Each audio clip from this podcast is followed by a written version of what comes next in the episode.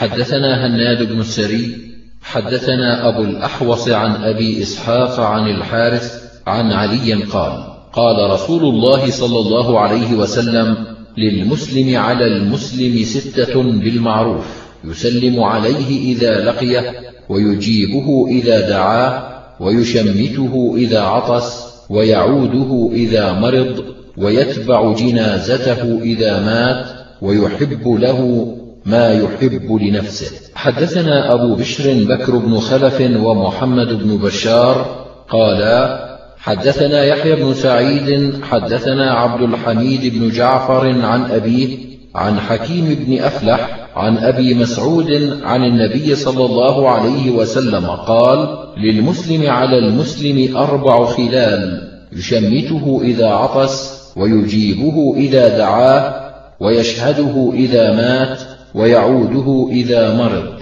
حدثنا أبو بكر بن أبي شيبة حدثنا محمد بن بشر عن محمد بن عمرو عن أبي سلمة عن أبي هريرة قال قال رسول الله صلى الله عليه وسلم خمس من حق المسلم على المسلم رد التحية وإجابة الدعوة وشهود الجنازة وعيادة المريض وتشميت العاطس إذا حمد الله. حدثنا محمد بن عبد الله الصنعاني حدثنا سفيان. قال سمعت محمد بن المنكدر يقول سمعت جابر بن عبد الله يقول عادني رسول الله صلى الله عليه وسلم ماشيا وأبو بكر وأنا في بني سلمة. حدثنا هشام بن عمار حدثنا مسلمة بن علي حدثنا ابن جريج عن حميد الطويل عن أنس بن مالك قال كان النبي صلى الله عليه وسلم لا يعود مريضا إلا بعد ثلاث. حدثنا أبو بكر بن أبي شيبة حدثنا عقبة بن خالد السكوني عن موسى بن محمد بن إبراهيم التيمي عن أبيه عن أبي سعيد الخدري قال قال رسول الله صلى الله عليه وسلم إذا دخلتم على المريض فنفسوا له في الأجل فإن ذلك لا يرد شيئا وهو يطيب بنفس المريض. حدثنا الحسن بن علي الخلال حدثنا صفوان بن هبيرة حدثنا أبو مكين عن عكرمة. عن ابن عباس أن النبي صلى الله عليه وسلم عاد رجلا فقال ما تشتهي؟ قال أشتهي خبز بر. قال النبي صلى الله عليه وسلم من كان عنده خبز بر فليبعث إلى أخيه. ثم قال النبي صلى الله عليه وسلم إذا اشتهى مريض أحدكم شيئا فليطعم. حدثنا سفيان بن وكيع حدثنا أبو يحيى الحماني عن الأعمش عن يزيد الرقاشي عن أنس بن مالك قال دخل النبي صلى الله عليه وسلم على مريض يعوده فقال أتشتهي شيئا؟ أتشتهي كعكا؟ قال نعم. فطلبوا له. حدثنا جعفر بن مسافر حدثني كثير بن هشام. حدثنا جعفر بن برقان عن ميمون بن مهران عن عمر بن الخطاب قال قال لي النبي صلى الله عليه وسلم إذا دخلت على مريض فمره أن يدعو لك فإن دعاءه كدعاء الملائكة. حدثنا عثمان بن أبي شيبة حدثنا أبو معاوية حدثنا الأعمش عن الحكم عن عبد الرحمن بن أبي ليلى عن علي قال سمعت رسول الله صلى الله عليه وسلم يقول من أتى أخاه المسلم عائدا مشى في خرافة الجنة حتى يجلس فإذا جلس غمرته الرحمة فإن كان غدوة صلى عليه سبعون ألف ملك حتى يمسي وإن كان مساء صلى عليه سبعون ألف ملك حتى يصبح. حدثنا محمد بن بشار حدثنا يوسف بن يعقوب حدثنا أبو سنان القسملي عن عثمان بن أبي سودة عن أبي هريرة قال قال رسول الله صلى الله عليه وسلم من عاد مريضا نادى مناد من السماء طبت وطاب ممشاك وتبوأت من الجنة منزلا. حدثنا أبو بكر بن أبي شيبة حدثنا أبو خالد الأحمر عن يزيد بن كيسان عن أبي حازم عن أبي هريرة قال قال رسول الله صلى الله عليه وسلم لقنوا موتاكم لا إله إلا الله. حدثنا محمد بن يحيى حدثنا عبد الرحمن بن مهدي عن سليمان بن بلال عن عمارة بن غزية عن يحيى بن عمارة عن أبي سعيد الخدري قال قال رسول الله صلى الله عليه وسلم لقنوا موتاكم لا إله إلا الله. حدثنا محمد بن بشار حدثنا أبو عامر حدثنا كثير بن زيد عن إسحاق بن عبد الله بن جعفر عن أبيه قال قال رسول الله صلى الله عليه وسلم لقنوا موتاكم لا إله إلا الله الحليم الكريم. سبحان الله رب العرش العظيم الحمد لله رب العالمين. قالوا يا رسول الله كيف للأحياء؟ قال أجود وأجود. حدثنا أبو بكر بن أبي شيبة وعلي بن محمد. قالا حدثنا أبو معاوية عن الأعمش عن شقيق عن أم سلمة. قالت قال رسول الله صلى الله عليه وسلم إذا حضرتم المريض أو الميت فقولوا خيرا. فإن الملائكة يؤمنون على ما تقولون. فلما مات أبو سلمة أتيت النبي صلى الله عليه وسلم فقلت يا رسول الله إن أبا سلمة قد مات. قال قولي اللهم اغفر لي وله وأعقبني منه عقبى حسنة. قالت ففعلت فأعقبني الله من هو خير منه. محمد رسول الله صلى الله عليه وسلم. حدثنا أبو بكر بن أبي شيبة حدثنا علي بن الحسن بن شقيق عن ابن المبارك عن سليمان التيمي عن أبي عثمان وليس بالنهدي عن أبيه عن معقل بن يسار قال قال رسول الله صلى الله عليه وسلم اقرؤوها عند موتاكم يعني ياسين. حدثنا محمد بن يحيى حدثنا يزيد بن هارون وحدثنا محمد بن إسماعيل حدثنا المحاربي جميعا عن محمد بن إسحاق عن الحارث بن فضيل عن الزهري عن عبد الرحمن بن كعب بن مالك عن أبيه قال لما حضرت كعبا الوفاة أتته أم بشر بنت البراء بن معرور فقالت يا أبا عبد الرحمن إن لقيت فلانا فاقرأ عليه مني السلام. قال غفر الله لك يا أم بشر نحن أشغل من ذلك. قالت يا أبا عبد الرحمن أما سمعت رسول الله صلى الله عليه وسلم يقول إن أرواح المؤمنين في طير خضر تعلق بشجر الجنة؟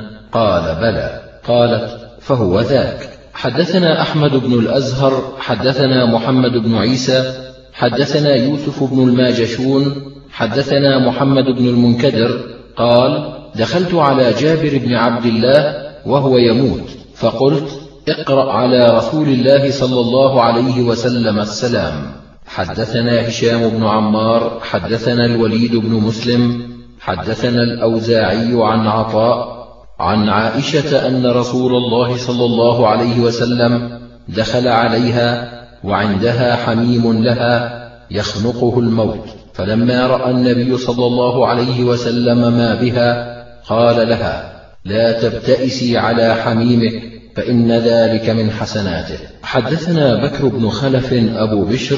حدثنا يحيى بن سعيد عن المثنى بن سعيد عن قتادة عن ابن بريدة عن أبيه أن النبي صلى الله عليه وسلم قال المؤمن يموت بعرق الجبين. حدثنا روح بن الفرج حدثنا نصر بن حماد حدثنا موسى بن كردم عن محمد بن قيس عن أبي بردة عن أبي موسى قال سألت رسول الله صلى الله عليه وسلم متى تنقطع معرفة العبد من الناس؟ قال إذا عاين. حدثنا إسماعيل بن أسد حدثنا معاوية بن عمرو حدثنا أبو إسحاق الفزاري عن خالد الحذاء عن أبي قلابة عن قبيصة بن ذويب عن أم سلمة قالت دخل رسول الله صلى الله عليه وسلم على أبي سلمة وقد شق بصره فأغمضه ثم قال إن الروح إذا قبض تبعه البصر.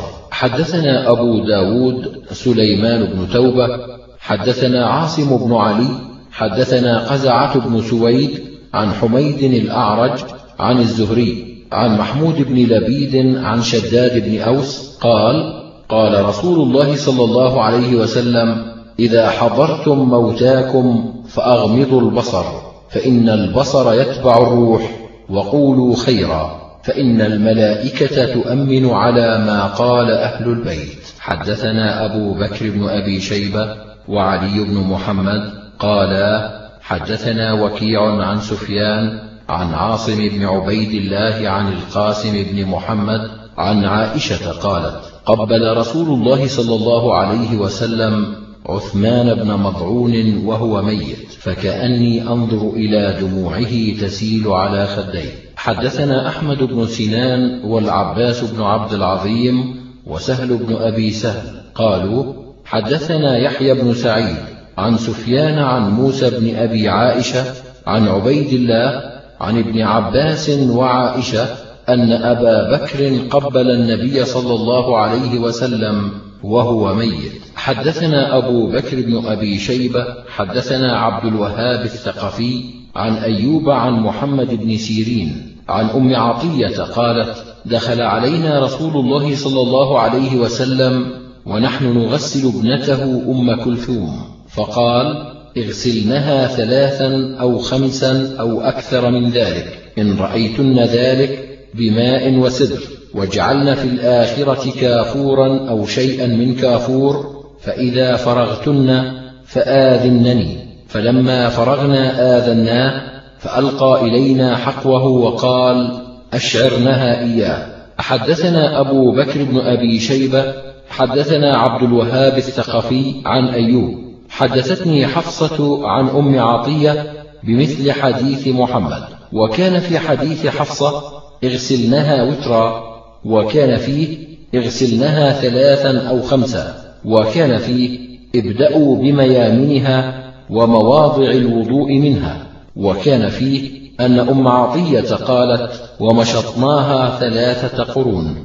حدثنا بشر بن آدم حدثنا روح بن عبادة عن ابن جريج عن حبيب بن أبي ثابت عن عاصم بن ضمرة عن علي قال قال لي النبي صلى الله عليه وسلم لا تبرز فخذك ولا تنظر إلى فخذ حي ولا ميت. حدثنا محمد بن المصفى الحمصي حدثنا بقية بن الوليد عن مبشر بن عبيد عن زيد بن أسلم عن عبد الله بن عمر قال قال رسول الله صلى الله عليه وسلم ليغسل موتاكم المأمونون. حدثنا علي بن محمد حدثنا عبد الرحمن المحاربي حدثنا عباد بن كثير عن عمرو بن خالد عن حبيب بن أبي ثابت عن عاصم بن ضمرة عن علي قال قال رسول الله صلى الله عليه وسلم من غسل ميتا وكفنه وحنطه وحمله وصلى عليه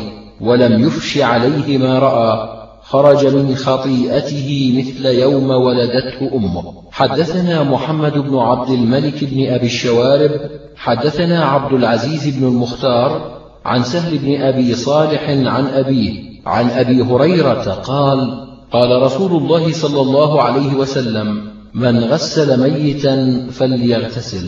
حدثنا محمد بن يحيى حدثنا أحمد بن خالد الذهبي حدثنا محمد بن إسحاق عن يحيى بن عباد بن عبد الله بن الزبير عن أبيه عن عائشة قالت لو كنت استقبلت من أمري ما استدبرت ما غسل النبي صلى الله عليه وسلم غير نساء حدثنا محمد بن يحيى حدثنا أحمد بن حنبل حدثنا محمد بن سلمة عن محمد بن إسحاق عن يعقوب بن عتبة عن الزهري. عن عبيد الله بن عبد الله عن عائشة قالت رجع رسول الله صلى الله عليه وسلم من البقيع فوجدني وأنا أجد صداعا في رأسي وأنا أقول ورأساه فقال بل أنا يا عائشة ورأساه ثم قال ما ضرك لو مت قبلي فقمت عليك فغسلتك وكفنتك وصليت عليك ودفنتك حدثنا سعيد بن يحيى بن الأزهر الواسطي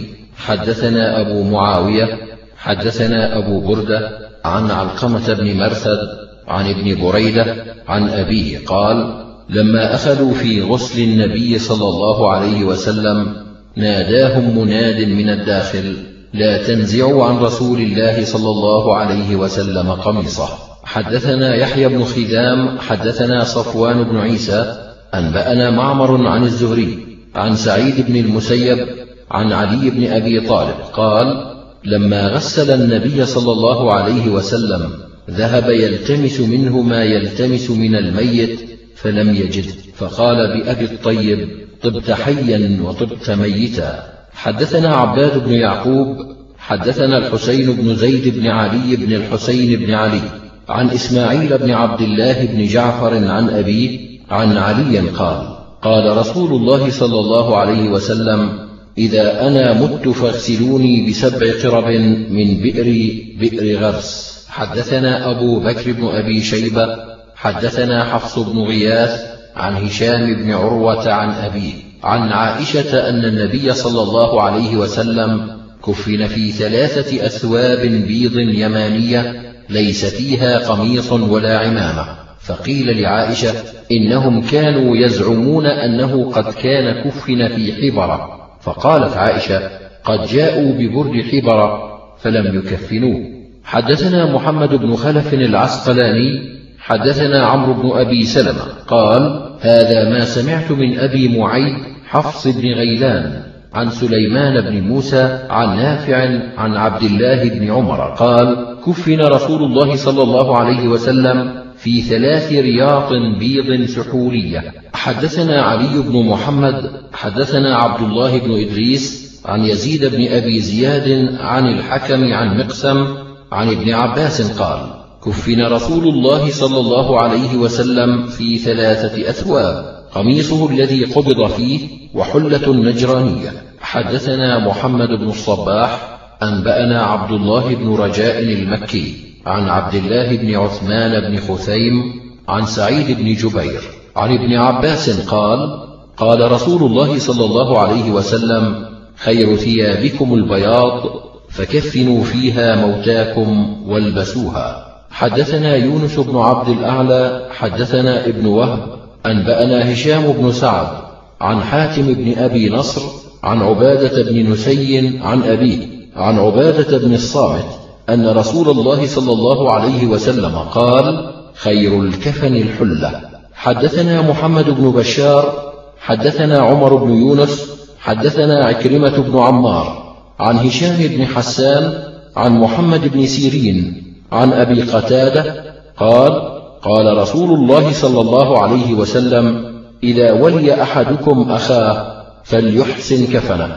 حدثنا محمد بن إسماعيل بن سمرة حدثنا محمد بن الحسن حدثنا أبو شيبة عن أنس بن مالك قال لما قبض إبراهيم ابن النبي صلى الله عليه وسلم قال لهم النبي صلى الله عليه وسلم لا تدرجوه في أكفانه حتى أنظر إليه فأتاه فانكب عليه وبكى. حدثنا عمرو بن رافع حدثنا عبد الله بن المبارك عن حبيب بن سليم عن بلال بن يحيى قال كان حذيفة إذا مات له الميت قال لا تؤذنوا به أحدا. إني أخاف أن يكون نعيا. إني سمعت رسول الله صلى الله عليه وسلم بأذني هاتين ينهى عن النعي. حدثنا أبو بكر بن أبي شيبة وهشام بن عمار. قالا حدثنا سفيان بن عيينة عن الزهري عن سعيد بن المسيب عن أبي هريرة قال قال رسول الله صلى الله عليه وسلم أسرعوا بالجنازة فإن تكن صالحة فخير تقدمونها إليه وإن تكن غير ذلك فشر تضعونه عن رقابكم. حدثنا حميد بن مسعدة حدثنا حماد بن زيد عن منصور عن عبيد بن نسطاس عن أبي عبيدة قال قال عبد الله بن مسعود من اتبع جنازة فليحمل بجوانب السرير كلها فإنه من السنة. ثم إن شاء فليتطوع وإن شاء فليدع. حدثنا محمد بن عبيد بن عقيل حدثنا بشر بن ثابت حدثنا شعبة عن ليث عن أبي بردة عن أبي موسى عن النبي صلى الله عليه وسلم أنه رأى جنازة يسرعون بها. قال لتكن عليكم السكينة. حدثنا كثير بن عبيد الحمصي. حدثنا بقية بن الوليد. عن أبي بكر بن أبي مريم عن راشد بن سعد عن ثوبان مولى رسول الله صلى الله عليه وسلم قال رأى رسول الله صلى الله عليه وسلم ناسا ركبانا على دوابهم في جنازة فقال ألا تستحيون أن ملائكة الله يمشون على أقدامهم وأنتم ركبان؟ حدثنا محمد بن بشار حدثنا روح بن عبادة حدثنا سعيد بن عبيد الله بن جبير بن حية. حدثني زياد بن جبير بن حية. سمع المغيرة بن شعبة يقول سمعت رسول الله صلى الله عليه وسلم يقول الراكب خلف الجنازة والماشي منها حيث شاء. حدثنا علي بن محمد وهشام بن عمار وسهل بن أبي سهل. قالوا حدثنا سفيان عن الزهري عن سالم عن أبيه. قال رأيت النبي صلى الله عليه وسلم وأبا بكر وعمر يمشون أمام الجنازة. حدثنا نصر بن علي الجهضمي وهارون بن عبد الله الحمال قالا حدثنا محمد بن بكر البرساني أنبأنا يونس بن يزيد الأيلي عن الزهري عن أنس بن مالك قال كان رسول الله صلى الله عليه وسلم وأبو بكر وعمر وعثمان يمشون أمام الجنازة. حدثنا أحمد بن عبدة أنبأنا عبد الواحد بن زياد عن يحيى بن عبد الله التيمي عن أبي ماجدة الحنفي عن عبد الله بن مسعود قال قال رسول الله صلى الله عليه وسلم الجنازة متبوعة وليست بتابعة ليس معها من تقدمها. حدثنا أحمد بن عبدة أخبرني عمرو بن النعمان حدثنا علي بن الحزور عن نفيع عن عمران بن الحصين وأبي برزة قالا خرجنا مع رسول الله صلى الله عليه وسلم في جنازة فرأى قوما قد طرحوا أرديتهم يمشون في قمص فقال رسول الله صلى الله عليه وسلم أبفعل الجاهلية تأخذون أو بصنع الجاهلية تشبهون؟ لقد هممت أن أدعو عليكم دعوة ترجعون في غير صوركم. قال فأخذوا أرديتهم ولم يعودوا لذلك. حدثنا حرملة بن يحيى حدثنا عبد الله بن وهب. أخبرني سعيد بن عبد الله الجهني أن محمد بن عمر بن علي بن أبي طالب حدثه عن أبيه عن جده علي بن أبي طالب أن رسول الله صلى الله عليه وسلم قال لا تؤخر الجنازة إذا حضرت. حدثنا محمد بن عبد الأعلى الصنعاني أنبأنا معتمر بن سليمان قال قرأت على الفضيل بن ميسرة عن أبي حريز أن أبا بردة حدثه قال أوصى أبو موسى الأشعري حين حضره الموت فقال لا تتبعوني بمجمر. قالوا له أو سمعت فيه شيئا؟ قال نعم من رسول الله صلى الله عليه وسلم. حدثنا أبو بكر بن أبي شيبة حدثنا عبيد الله أنبأنا شيبان عن الأعمش عن أبي صالح عن أبي هريرة عن النبي صلى الله عليه وسلم قال من صلى عليه مئة من المسلمين غفر له. حدثنا إبراهيم بن المنذر الحزامي حدثنا بكر بن سليم حدثني حميد بن زياد الخراط عن كريب مولى عبد الله بن عباس قال هلك ابن لعبد الله بن عباس فقال لي يا كريب قم فانظر هل اجتمع لابني أحد؟ فقلت نعم. فقال ويحك كم تراهم؟ أربعين؟ قلت لا بل هم أكثر. قال فاخرجوا بابني. فأشهد لسمعت رسول الله صلى الله عليه وسلم يقول ما من أربعين من مؤمن يشفعون لمؤمن إلا شفعهم الله. حدثنا أبو بكر بن أبي شيبة وعلي بن محمد. قالا حدثنا عبد الله بن نمير عن محمد بن إسحاق عن يزيد بن أبي حبيب عن مرثد بن عبد الله اليزني عن مالك بن هبيرة الشامي وكانت له صحبة. قال كان إذا أتي بجنازة فتقال من تبعها جزأهم ثلاثة صفوف ثم صلى عليها. وقال إن رسول الله صلى الله عليه وسلم قال ما صف صفوف ثلاثة من المسلمين على ميت إلا أوجب. حدثنا أحمد بن عبده حدثنا حماد بن زيد عن ثابت عن أنس بن مالك قال مر على النبي صلى الله عليه وسلم بجنازة فأثني عليها خيرا. فقال وجبت. ثم مر عليه بجنازة فأثني عليها شرا. فقال وجبت. فقيل يا رسول الله قلت لهذه وجبت ولهذه وجبت فقال شهادة القوم والمؤمنون شهود الله في الأرض. حدثنا أبو بكر بن أبي شيبة حدثنا علي بن مسهر عن محمد بن عمرو عن أبي سلمة. عن أبي هريرة قال مر على النبي صلى الله عليه وسلم بجنازة فأثني عليها خيرا في مناقب الخير فقال وجبت ثم مروا عليه بأخرى فأثني عليها شرا في مناقب الشر.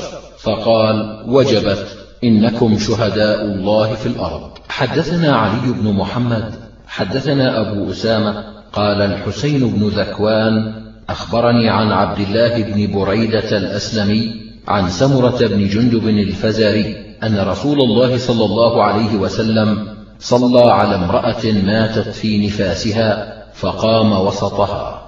حدثنا نصر بن علي الجهضمي حدثنا سعيد بن عامر عن همام عن أبي غالب قال رأيت أنس بن مالك صلى على جنازة رجل فقام حيال رأسه فجيء بجنازة أخرى بامرأة فقالوا يا أبا حمزة صل عليها. فقام حيال وسط السرير فقال له العلاء بن زياد يا أبا حمزة هكذا رأيت رسول الله صلى الله عليه وسلم قام من الجنازة مقامك من الرجل وقام من المرأة مقامك من المرأة؟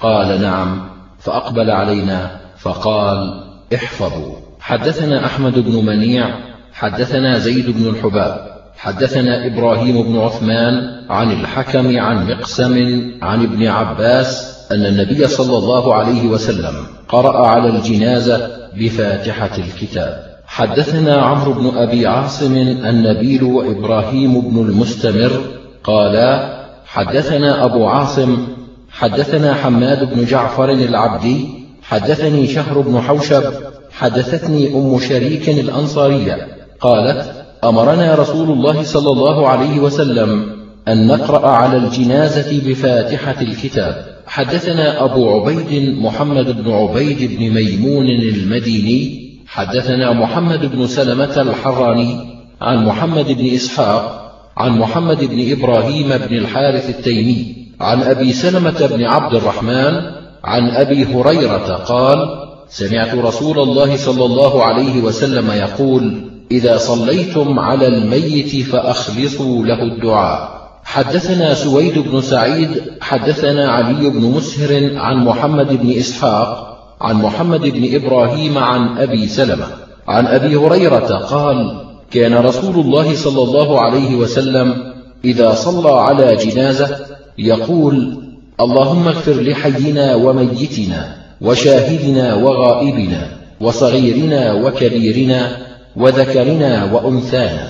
اللهم من أحييته منا فأحيه على الإسلام ومن توفيته منا فتوفه على الإيمان. اللهم لا تحرمنا أجره ولا تضلنا بعده.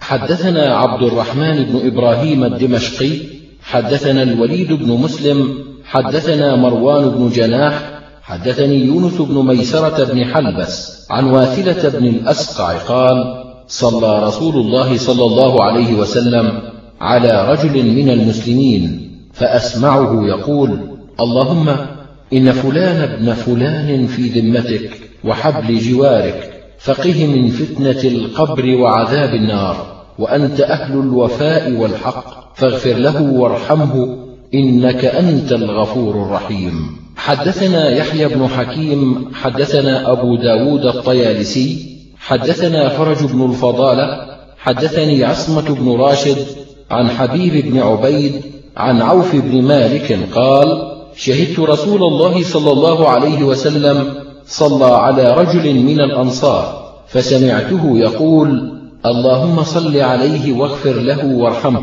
وعافه واعف عنه واغسله بماء وثلج وبرد ونقه من الذنوب والخطايا كما ينقى الثوب الأبيض من الدنس وأبدله بداره دارا خيرا من داره. وأهلا خيرا من أهله وقه فتنة القبر وعذاب النار. قال عوف فلقد رأيتني في مقام ذلك أتمنى أن أكون مكان ذلك الرجل. حدثنا عبد الله بن سعيد حدثنا حفص بن غياث عن حجاج عن أبي الزبير عن جابر قال ما أباح لنا رسول الله صلى الله عليه وسلم ولا أبو بكر ولا عمر في شيء ما أباحوا في الصلاة على الميت يعني لم يوقت حدثنا يعقوب بن حميد بن كاسب حدثنا المغيرة بن عبد الرحمن حدثنا خالد بن الإياس عن إسماعيل بن عمرو بن سعيد بن العاص عن عثمان بن عبد الله بن الحكم بن الحارث عن عثمان بن عفان أن النبي صلى الله عليه وسلم صلى على عثمان بن مضعون وكبر عليه أربعة. حدثنا علي بن محمد حدثنا عبد الرحمن المحاربي حدثنا الهجري قال صليت مع عبد الله بن أبي أوفى الأسلمي صاحب رسول الله صلى الله عليه وسلم على جنازة ابنة له فكبر عليها أربعة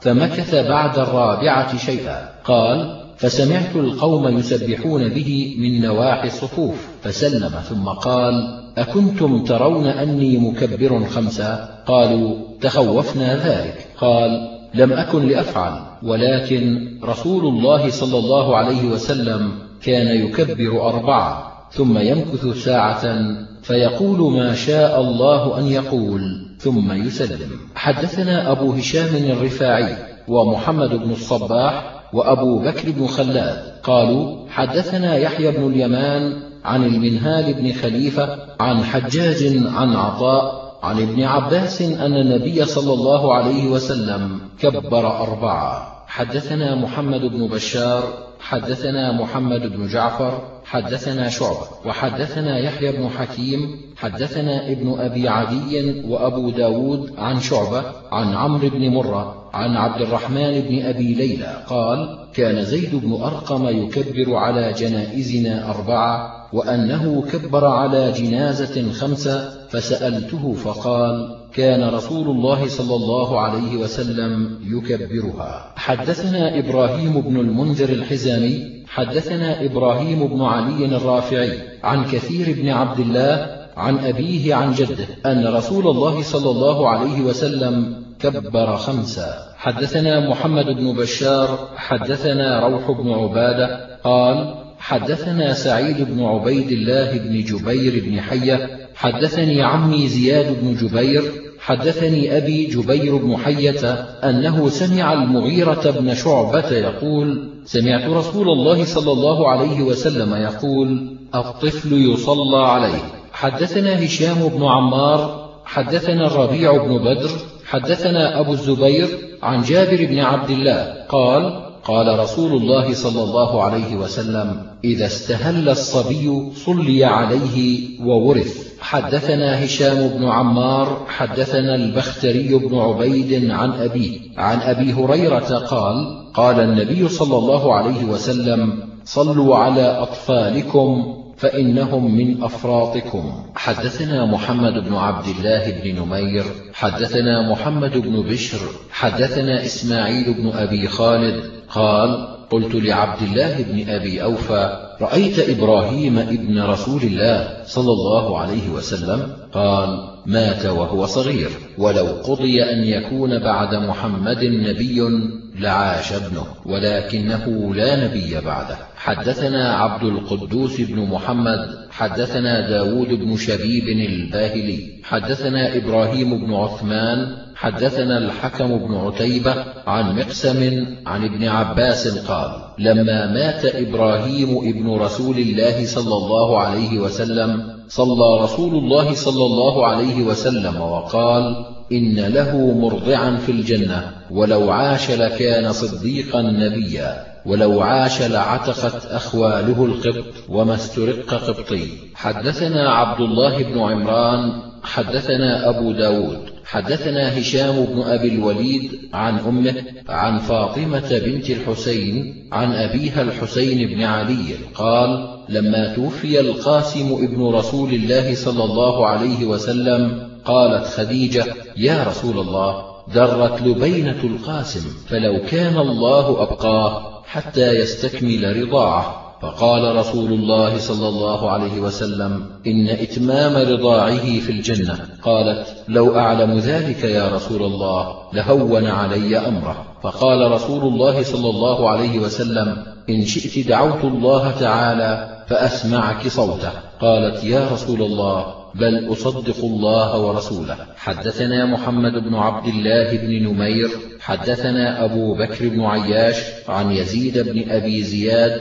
عن مقسم عن ابن عباس قال أتي بهم رسول الله صلى الله عليه وسلم يوم أحد فجعل يصلي على عشرة عشرة وحمزة هو كما هو يرفعون وهو كما هو موضوع. حدثنا محمد بن رمح أنبأنا الليث بن سعد عن ابن شهاب عن عبد الرحمن بن كعب بن مالك عن جابر بن عبد الله أن رسول الله صلى الله عليه وسلم كان يجمع بين الرجلين والثلاثة من قتلى أحد في ثوب واحد ثم يقول أيهم أكثر أخذا للقرآن فإذا أشير له إلى أحدهم قدمه في اللحد وقال أنا شهيد على هؤلاء وأمر بدفنهم في دمائهم ولم يصل عليهم ولم يغسلوا. حدثنا محمد بن زياد حدثنا علي بن عاصم عن عطاء بن السائب عن سعيد بن جبير عن ابن عباس أن رسول الله صلى الله عليه وسلم أمر بقتلى أحد أن ينزع عنهم الحديد والجلود وأن يدفنوا في ثيابهم بدمائهم. حدثنا هشام بن عمار وسهل بن أبي سهل. قالا حدثنا سفيان بن عيينة عن الأسود بن قيس. سمع نبيحا العنزي يقول سمعت جابر بن عبد الله يقول إن رسول الله صلى الله عليه وسلم أمر بقتلى أحد أن يردوا إلى مصارعهم وكانوا نقلوا إلى المدينة. حدثنا علي بن محمد حدثنا وكيع عن ابن أبي ذئب عن صالح مولى التوأمة عن أبي هريرة قال قال رسول الله صلى الله عليه وسلم من صلى على جنازة في المسجد فليس له شيء. حدثنا أبو بكر بن أبي شيبة حدثنا يونس بن محمد حدثنا فليح بن سليمان عن صالح بن عجلان عن عباد بن عبد الله بن الزبير عن عائشة قالت والله ما صلى رسول الله صلى الله عليه وسلم على سهيل بن بيضاء إلا في المسجد. قال ابن ماجه حديث عائشة أقوى. حدثنا علي بن محمد حدثنا وكيع وحدثنا عمرو بن رافع حدثنا عبد الله بن المبارك جميعا عن موسى بن علي بن رباح قال سمعت أبي يقول سمعت عقبة بن عامر الجهني يقول ثلاث ساعات كان رسول الله صلى الله عليه وسلم ينهانا أن نصلي فيهن أو نقبر فيهن موتانا حين تطلع الشمس بازغة وحين يقوم قائم الظهيرة حتى تميل الشمس وحين تضيف للغروب حتى تغرب. حدثنا محمد بن الصباح أنبأنا يحيى بن اليمان عن منهار بن خليفة عن عطاء عن ابن عباس أن رسول الله صلى الله عليه وسلم أدخل رجلا قبره ليلا وأسرج في قبره. حدثنا عمرو بن عبد الله الأودي حدثنا وكيع عن إبراهيم بن يزيد المكي عن أبي الزبير عن جابر بن عبد الله قال قال رسول الله صلى الله عليه وسلم لا تدفنوا موتاكم بالليل إلا أن تضطروا. حدثنا العباس بن عثمان الدمشقي حدثنا الوليد بن مسلم عن ابن لهيعة عن أبي الزبير عن جابر بن عبد الله أن النبي صلى الله عليه وسلم قال صلوا على موتاكم بالليل والنهار. حدثنا أبو بشر بكر بن خلف حدثنا يحيى بن سعيد عن عبيد الله عن نافع عن ابن عمر قال لما توفي عبد الله بن أبي جاء ابنه إلى النبي صلى الله عليه وسلم فقال يا رسول الله أعطني قميصك أكفنه فيه. فقال رسول الله صلى الله عليه وسلم آذنوني به. فلما أراد النبي صلى الله عليه وسلم أن يصلي عليه قال له عمر بن الخطاب ما ذاك لك؟ فصلى عليه النبي صلى الله عليه وسلم فقال له النبي صلى الله عليه وسلم أنا بين خيرتين. أستغفر لهم أو لا تستغفر لهم. فأنزل الله سبحانه ولا تصل على أحد منهم مات أبدا ولا تقم على قبره. حدثنا عمار بن خالد الواسطي وسهل بن أبي سهل قالا حدثنا يحيى بن سعيد عن مجاهد عن عامر عن جابر قال مات رأس المنافقين بالمدينة وأوصى أن يصلي عليه النبي صلى الله عليه وسلم وأن يكفنه في قميصه فصلى عليه وكفنه في قميصه وقام على قبره فأنزل الله ولا تصل على أحد منهم مات أبدا ولا تقم على قبره. حدثنا أحمد بن يوسف السلمي حدثنا مسلم بن إبراهيم حدثنا الحارث بن نبهان حدثنا عتبة بن يقظان عن أبي سعيد عن مكحول عن واثلة بن الأسقع قال قال رسول الله صلى الله عليه وسلم صلوا على كل ميت وجاهدوا مع كل أمير.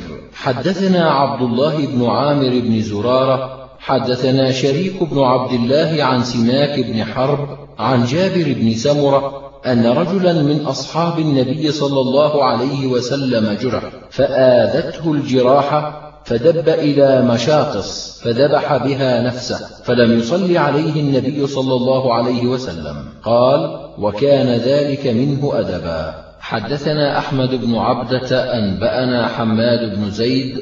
حدثنا ثابت عن أبي رافع عن أبي هريرة أن امرأة سوداء كانت تقم المسجد. ففقدها رسول الله صلى الله عليه وسلم فسأل عنها بعد أيام فقيل له إنها ماتت. قال فهلا آذنتموني؟ فأتى قبرها فصلى عليها. حدثنا أبو بكر بن أبي شيبة حدثنا هشيم حدثنا عثمان بن حكيم حدثنا خارجة بن زيد بن ثابت عن يزيد بن ثابت وكان أكبر من زيد قال خرجنا مع النبي صلى الله عليه وسلم فلما ورد البقيع فإذا هو بقبر جديد فسأل عنه فقالوا فلانة. قال فعرفها وقال ألا آذنتموني بها؟ قالوا كنت قائلا صائما فكرهنا أن نؤذيك.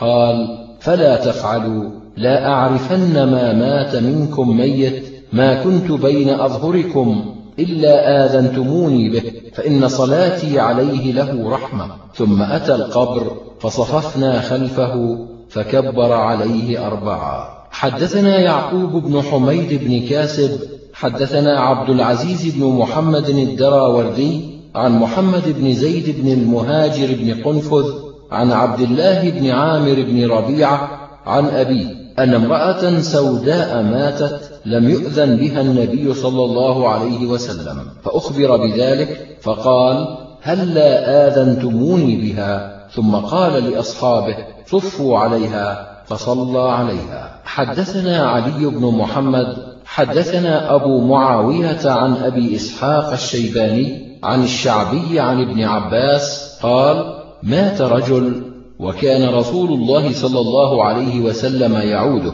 فدفنوه بالليل فلما أصبح أعلموه فقال ما منعكم أن تعلموني؟ قالوا كان الليل وكانت الظلمة فكرهنا أن نشق عليك فأتى قبره فصلى عليه. حدثنا العباس بن عبد العظيم العنبري ومحمد بن يحيى قالا حدثنا أحمد بن حنبل حدثنا غندر عن شعبة عن حبيب بن الشهيد عن ثابت عن أنس أن النبي صلى الله عليه وسلم صلى على قبر بعدما قبر. حدثنا محمد بن حميد حدثنا مهران بن أبي عمر عن أبي سنان عن علقمة بن مرثد عن ابن بريدة عن أبيه أن النبي صلى الله عليه وسلم صلى على ميت بعدما دفن.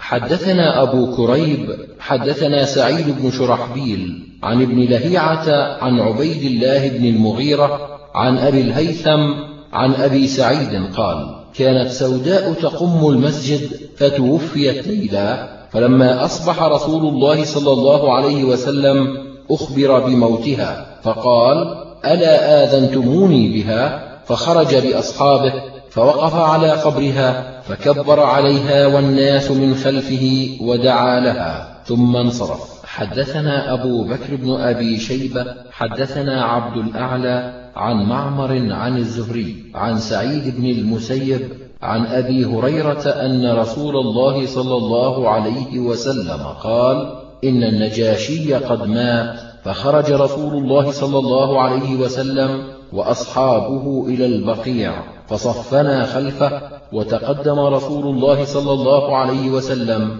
فكبر أربع تكبيرات. حدثنا يحيى بن خلف ومحمد بن زياد. قالا حدثنا بشر بن المفضل وحدثنا عمرو بن رافع حدثنا هشيم جميعا عن يونس عن أبي قلابة عن أبي المهلب عن عمران بن الحصين أن رسول الله صلى الله عليه وسلم قال إن أخاكم النجاشي قد مات فصلوا عليه. قال فقام فصلينا خلفه وإني لفي الصف الثاني فصلى عليه صفين. حدثنا أبو بكر بن أبي شيبة حدثنا معاوية بن هشام حدثنا سفيان عن حمران بن أعين عن أبي الطفيل عن مجمع بن جارية الأنصاري أن رسول الله صلى الله عليه وسلم قال إن أخاكم النجاشي قد مات فقوموا فصلوا عليه فصففنا خلفه صفين. حدثنا محمد بن المثنى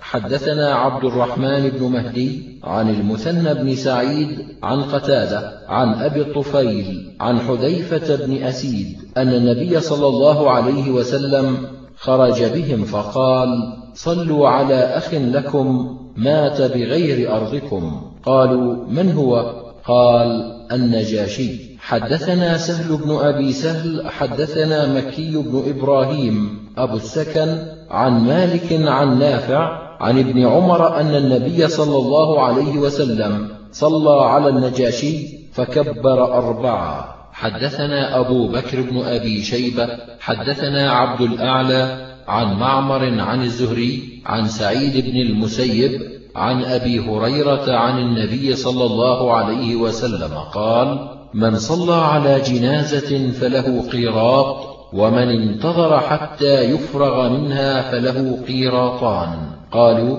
وما القيراطان؟ قال مثل الجبلين. حدثنا حميد بن مسعد حدثنا خالد بن الحارث حدثنا سعيد عن قتادة حدثني سالم بن أبي الجعد عن معدان بن أبي طلحة عن ثوبان قال قال رسول الله صلى الله عليه وسلم من صلى على جنازة فله قيراط ومن شهد دفنها فله قيراطان. قال فسئل النبي صلى الله عليه وسلم عن القيراط فقال مثل أحد. حدثنا عبد الله بن سعيد حدثنا عبد الرحمن المحاربي عن حجاج بن أرطاة عن عدي بن ثابت عن زر بن حبيش عن أبي بن كعب قال قال رسول الله صلى الله عليه وسلم من صلى على جنازة فله قيراط ومن شهدها حتى تدفن فله قيراطان. والذي نفس محمد بيده القيراط أعظم من أحد هذا. حدثنا محمد بن رمح أنبأنا الليث بن سعد عن نافع عن ابن عمر عن عامر بن ربيعة عن النبي صلى الله عليه وسلم. وحدثنا هشام بن عمار حدثنا سفيان عن الزهري عن سالم عن أبيه عن عامر بن ربيعة سمعه يحدث عن النبي صلى الله عليه وسلم قال إذا رأيتم الجنازة فقوموا لها حتى تخلفكم أو توضع. حدثنا أبو بكر بن أبي شيبة وهناد بن السري قالا حدثنا عبدة بن سليمان عن محمد بن عمرو عن أبي سلمة عن أبي هريرة قال مر على النبي صلى الله عليه وسلم بجنازة فقام وقال قوموا فإن للموت فزعا. حدثنا علي بن محمد حدثنا وكيع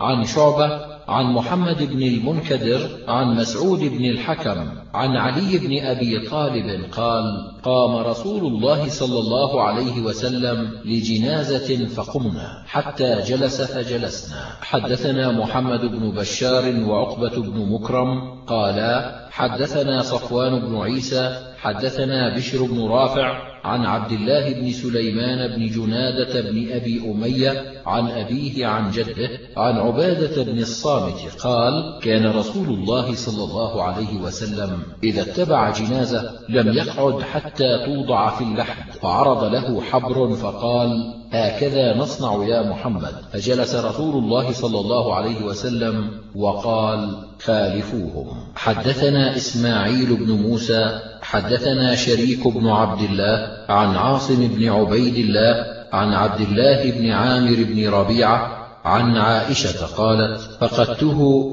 تعني النبي صلى الله عليه وسلم فإذا هو بالبقيع. فقال السلام عليكم دار قوم مؤمنين أنتم لنا فرط وإنا بكم لاحقون. اللهم لا تحرمنا أجرهم ولا تفتنا بعدهم. حدثنا محمد بن عباد بن آدم حدثنا أحمد حدثنا سفيان عن علقمة بن مرثد عن سليمان بن بريدة عن أبيه قال كان رسول الله صلى الله عليه وسلم يعلمهم إذا خرجوا إلى المقابر كان قائلهم يقول السلام عليكم أهل الديار من المؤمنين والمسلمين وإنا إن شاء الله بكم لاحقون. نسأل الله لنا ولكم العافية. حدثنا محمد بن زياد حدثنا حماد بن زيد عن يونس بن خباب عن المنهال بن عمرو عن زاذان عن البراء بن عازب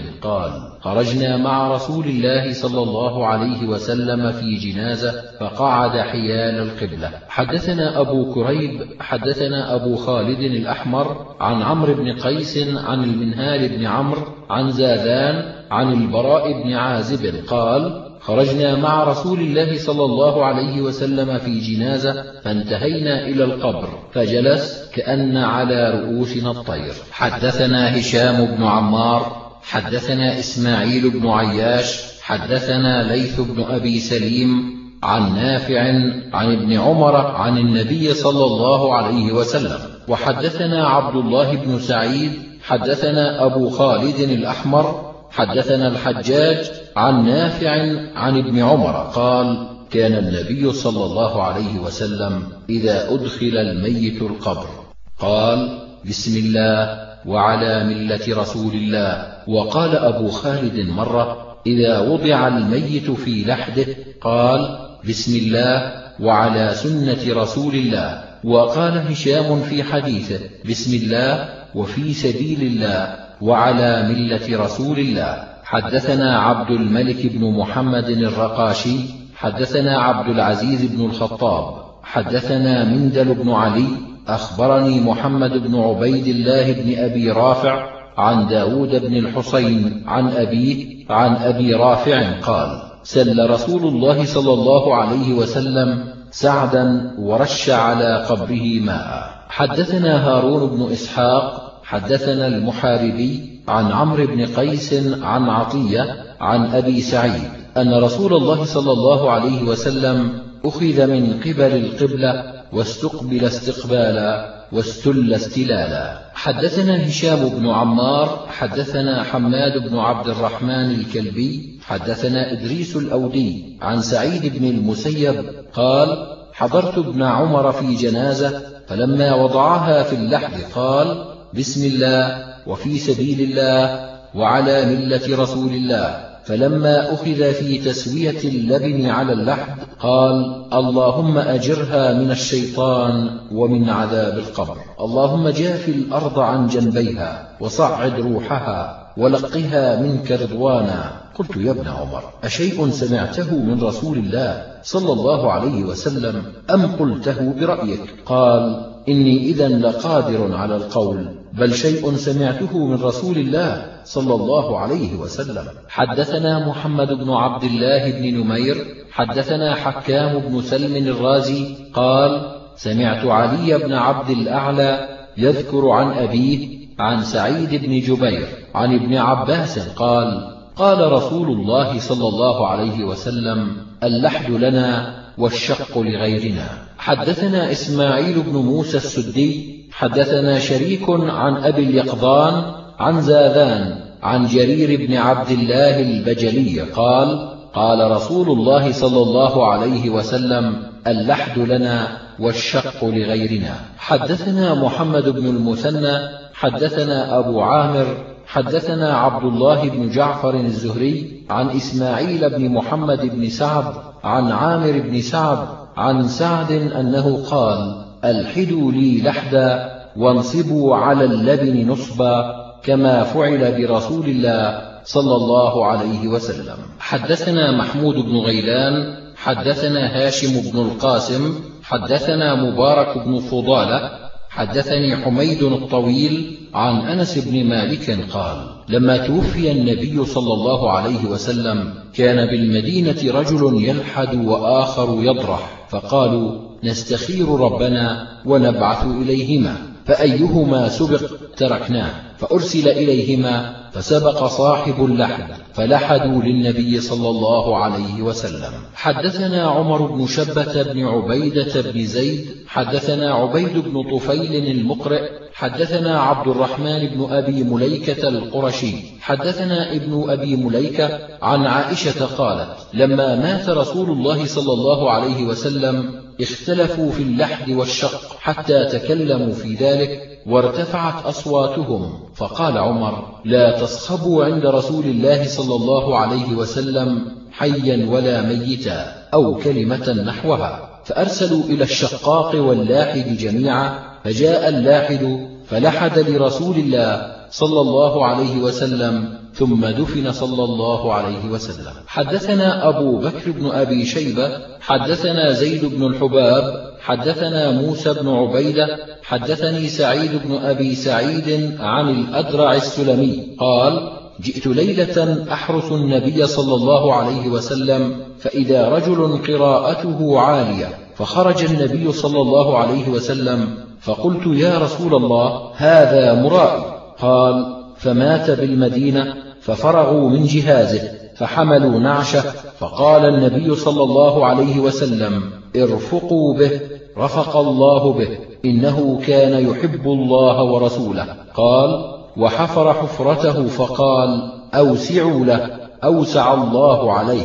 فقال بعض أصحابه يا رسول الله لقد حزنت عليه. فقال أجل إنه كان يحب الله ورسوله. حدثنا أزهر بن مروان حدثنا عبد الوارث بن سعيد حدثنا أيوب عن حميد بن هلال عن أبي الدهماء عن هشام بن عامر قال قال رسول الله صلى الله عليه وسلم احفروا وأوسعوا وأحسنوا. حدثنا العباس بن جعفر حدثنا محمد بن أيوب أبو هريرة الواسطي حدثنا عبد العزيز بن محمد عن كثير بن زيد عن زينب بنت نبيط عن أنس بن مالك أن رسول الله صلى الله عليه وسلم أعلم قبر عثمان بن مضعون بصخرة. حدثنا أزهر بن مروان ومحمد بن زياد قالا حدثنا عبد الوارث عن أيوب عن أبي الزبير عن جابر قال نهى رسول الله صلى الله عليه وسلم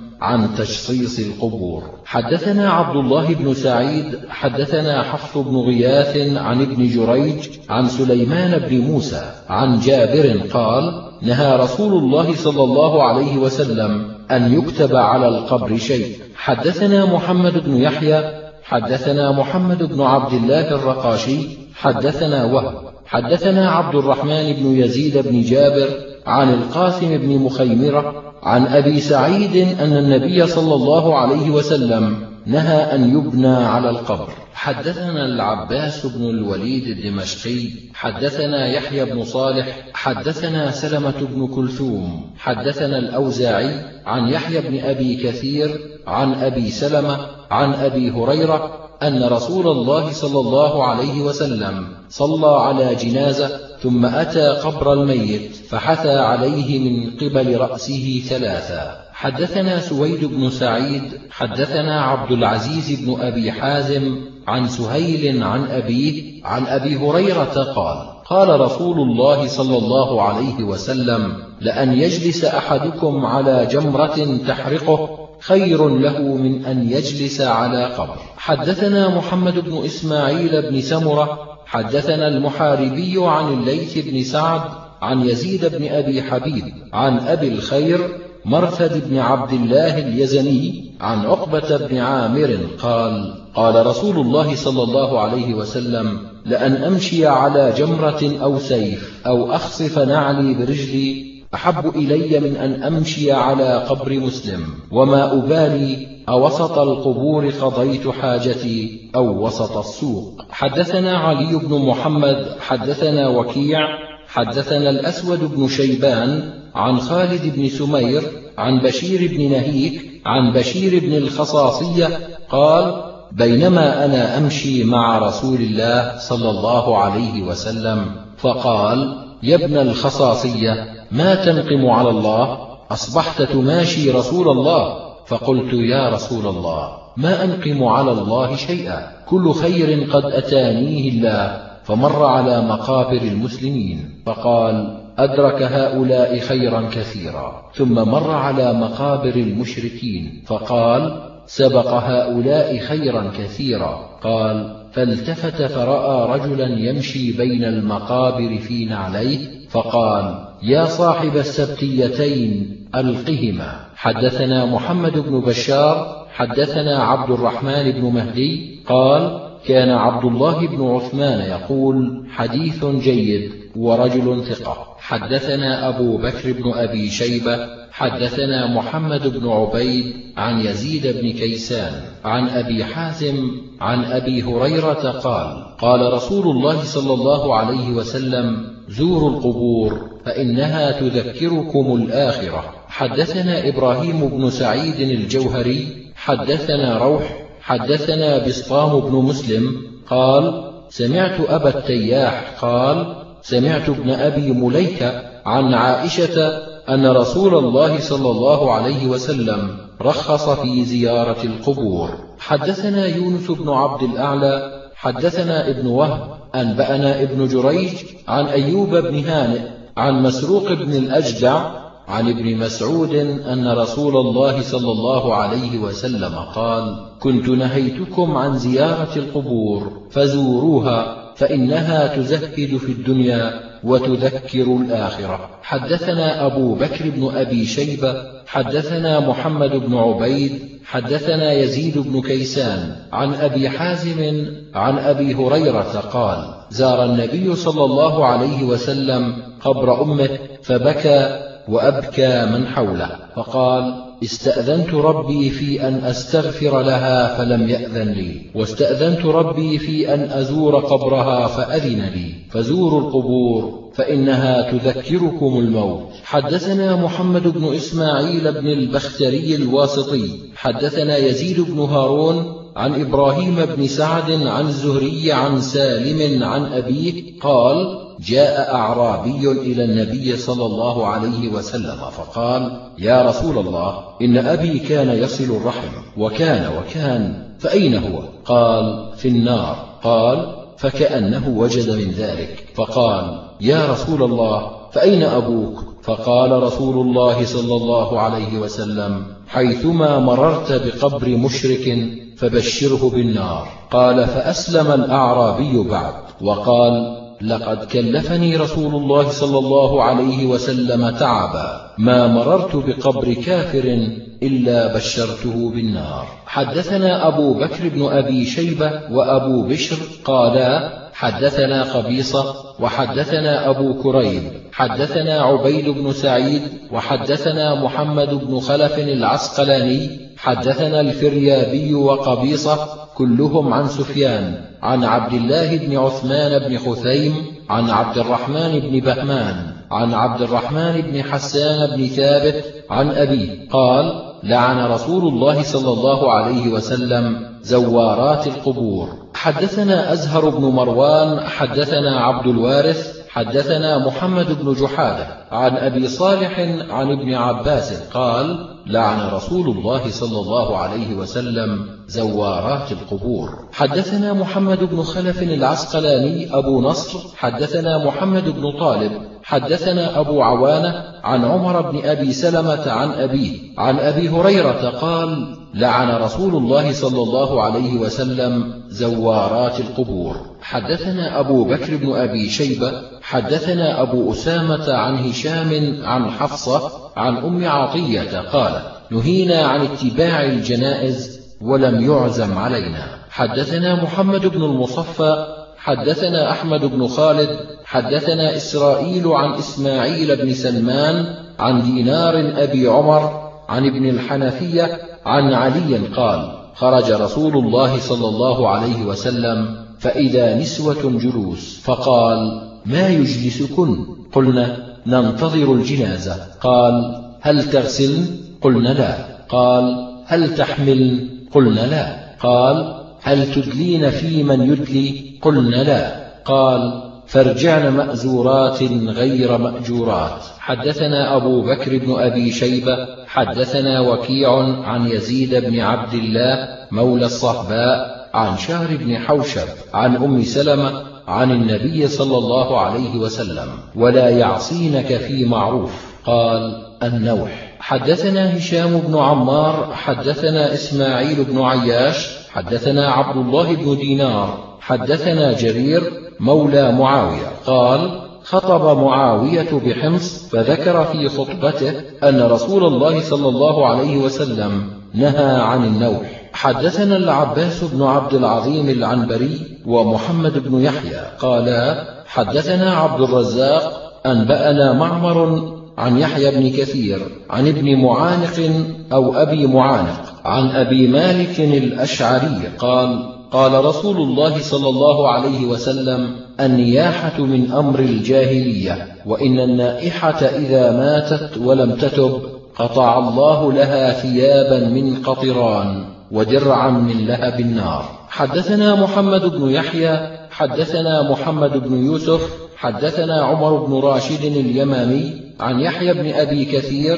عن عكرمة عن ابن عباس قال قال رسول الله صلى الله عليه وسلم النياحة على الميت من أمر الجاهلية فإن النائحة إن لم تتب قبل أن تموت فإنها تبعث يوم القيامة عليها سرابيل من قطران ثم يعلى عليها بدرع من لهب النار. حدثنا أحمد بن يوسف حدثنا عبيد الله أنبأنا إسرائيل عن أبي يحيى عن مجاهد عن ابن عمر قال نهى رسول الله صلى الله عليه وسلم أن تتبع جنازة معها ران. حدثنا علي بن محمد حدثنا وكيع وحدثنا محمد بن بشار. حدثنا يحيى بن سعيد وعبد الرحمن جميعا عن سفيان عن زبيد عن إبراهيم عن مسروق. وحدثنا علي بن محمد وأبو بكر بن خلاد. قالا حدثنا وكيع حدثنا الأعمش عن عبد الله بن مرة عن مسروق عن عبد الله قال قال رسول الله صلى الله عليه وسلم ليس منا من شق الجيوب وضرب الخدود ودعا بدعوى الجاهلية. حدثنا محمد بن جابر المحاربي ومحمد بن كرامة قالا حدثنا أبو أسامة عن عبد الرحمن بن يزيد بن جابر عن مكحول والقاسم عن أبي أمامة أن رسول الله صلى الله عليه وسلم لعن الخامشة وجهها والشاقة جيبها والداعية بالويل والثبور. حدثنا أحمد بن عثمان بن حكيم الأودي حدثنا جعفر بن عون عن أبي العميس قال سمعت أبا صخرة يذكر عن عبد الرحمن بن يزيد وأبي بردة قالا لما ثقل أبو موسى أقبلت امرأته أم عبد الله تصيح برنة فأفاق فقال لها أوما علمت أني بريء ممن برئ منه رسول الله صلى الله عليه وسلم وكان يحدثها أن رسول الله صلى الله عليه وسلم قال أنا بريء ممن حلق وسلق وخرق. حدثنا أبو بكر بن أبي شيبة وعلي بن محمد. قالا حدثنا وكيع عن هشام بن عروة عن وهب بن كيسان عن محمد بن عمرو بن عطاء عن أبي هريرة أن النبي صلى الله عليه وسلم كان في جنازة فرأى عمر امرأة فصاح بها. فقال النبي صلى الله عليه وسلم دعها يا عمر فإن العين دامعة والنفس مصابة. والعهد قريب. حدثنا أبو بكر بن أبي شيبة حدثنا عفان عن حماد بن سلمة عن هشام بن عروة عن وهب بن كيسان عن محمد بن عمرو بن عطاء عن سلمة بن الأزرق عن أبي هريرة عن النبي صلى الله عليه وسلم بنحوه. حدثنا محمد بن عبد الملك بن أبي الشوارب حدثنا عبد الواحد بن زياد حدثنا عاصم الأحول عن أبي عثمان عن أسامة بن زيد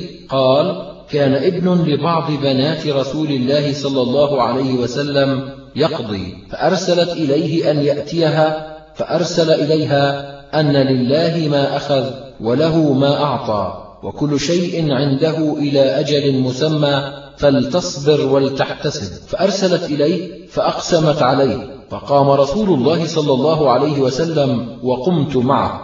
ومعه معاذ بن جبل وأبي بن كعب وعبادة بن الصامت فلما دخلنا ناولوا الصبي رسول الله صلى الله عليه وسلم وروحه تقلقل في صدره قال حسبته قال كأنها شنة قال فبكى رسول الله صلى الله عليه وسلم فقال له عبادة بن الصامت ما هذا يا رسول الله؟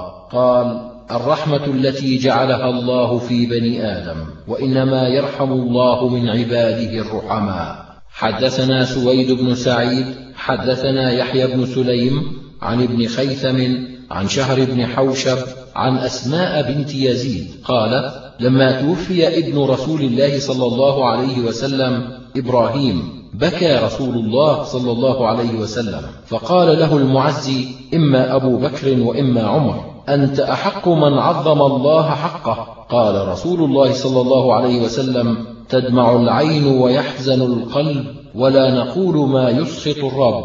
لولا أنه وعد صادق وموعود جامع وأن الآخر تابع للأول لوجدنا عليك يا إبراهيم أفضل مما وجدنا وإنا بك لمحزونون. حدثنا محمد بن يحيى حدثنا إسحاق بن محمد الفروي حدثنا عبد الله بن عمر عن إبراهيم بن محمد بن عبد الله بن جحش عن أبيه عن حمنة بنت جحش أنه قيل لها قتل أخوك فقالت رحمه الله وإنا لله وإنا إليه راجعون. قالوا قتل زوجك. قالت وحزناه فقال رسول الله صلى الله عليه وسلم إن للزوج من المرأة لشعبة ما هي لشيء؟ حدثنا هارون بن سعيد المصري حدثنا عبد الله بن وهب أنبأنا أسامة بن زيد عن نافع عن ابن عمر أن رسول الله صلى الله عليه وسلم مر بنساء عبد الأشهل يبكين هلكاهن يوم أحد.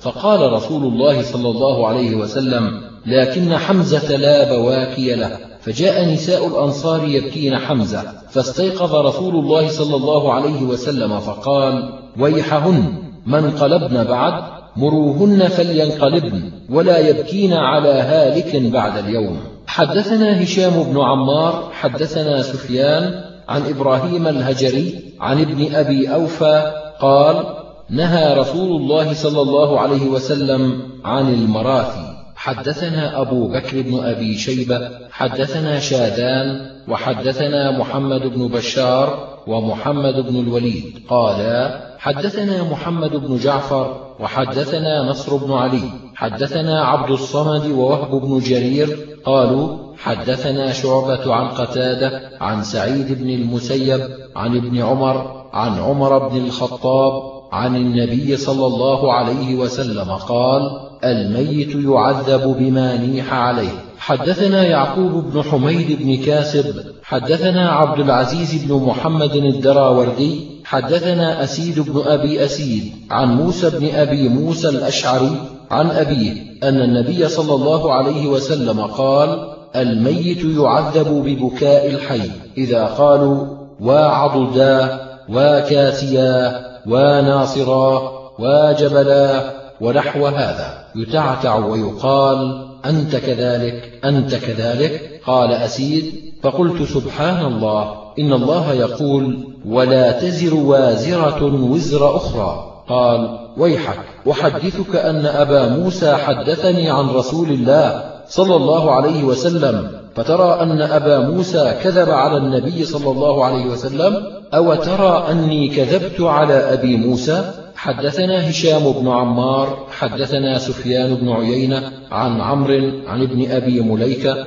عن عائشة قالت إنما كانت يهودية ماتت فسمعهم النبي صلى الله عليه وسلم يبكون عليها. قال فإن أهلها يبكون عليها وإنها تعذب في قبرها. حدثنا محمد بن رمح أنبأنا الليث بن سعد عن يزيد بن أبي حبيب عن سعد بن سنان عن أنس بن مالك قال قال رسول الله صلى الله عليه وسلم إنما الصبر عند الصدمة الأولى. حدثنا هشام بن عمار حدثنا إسماعيل بن عياش حدثنا ثابت بن عجلان عن القاسم عن أبي أمامة عن النبي صلى الله عليه وسلم قال يقول الله سبحانه ابن آدم إن صبرت واحتسبت عند الصدمة الأولى. لم أرض ثوابا دون الجنة. حدثنا أبو بكر بن أبي شيبة حدثنا يزيد بن هارون أنبأنا عبد الملك بن قدامة الجمحي عن أبيه عن عمر بن أبي سلمة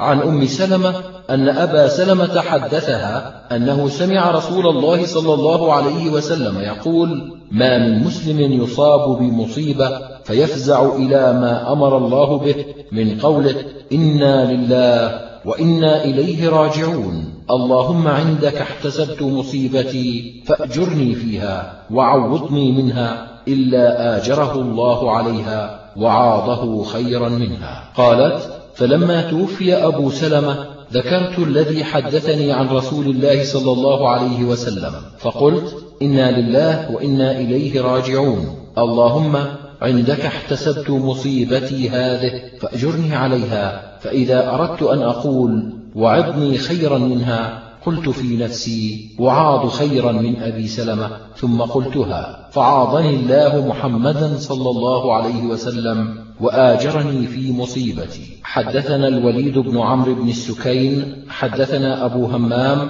حدثنا موسى بن عبيدة حدثنا مصعب بن محمد عن أبي سلمة بن عبد الرحمن عن عائشة قالت فتح رسول الله صلى الله عليه وسلم بابا بينه وبين الناس أو كشف سترا فإذا الناس يصلون وراء أبي بكر فحمد الله على ما رأى من حسن حالهم ورجاء أن يخلفه الله فيهم بالذي رآهم فقال يا أيها الناس أيما أحد من الناس أو من المؤمنين أصيب بمصيبة فليتعزى بمصيبته بي. عن المصيبة التي تصيبه بغيري فإن أحدا من أمتي لن يصاب بمصيبة بعدي أشد عليه من مصيبتي. حدثنا أبو بكر بن أبي شيبة حدثنا وكيع بن الجراح عن هشام بن زياد عن أمه عن فاطمة بنت الحسين عن أبيها قال قال النبي صلى الله عليه وسلم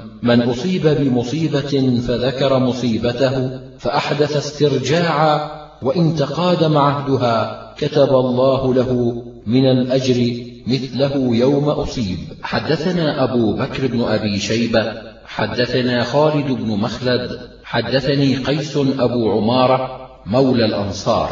قال سمعت عبد الله بن أبي بكر بن محمد بن عمرو بن حزم يحدث عن أبيه عن جده عن النبي صلى الله عليه وسلم أنه قال ما من مؤمن يعزي أخاه بمصيبة إلا كساه الله سبحانه من حلل الكرامة يوم القيامة. حدثنا عمرو بن رافع قال حدثنا علي بن عاصم عن محمد بن سوقة عن إبراهيم عن الأسود عن عبد الله قال قال رسول الله صلى الله عليه وسلم من عزى مصابا فله مثل أجره. حدثنا أبو بكر بن أبي شيبة حدثنا سفيان بن عيينة عن الزهري عن سعيد بن المسيب عن أبي هريرة عن النبي صلى الله عليه وسلم قال لا يموت لرجل ثلاثة من الولد فيلج النار إلا تحلة القسم. حدثنا محمد بن عبد الله بن نمير قال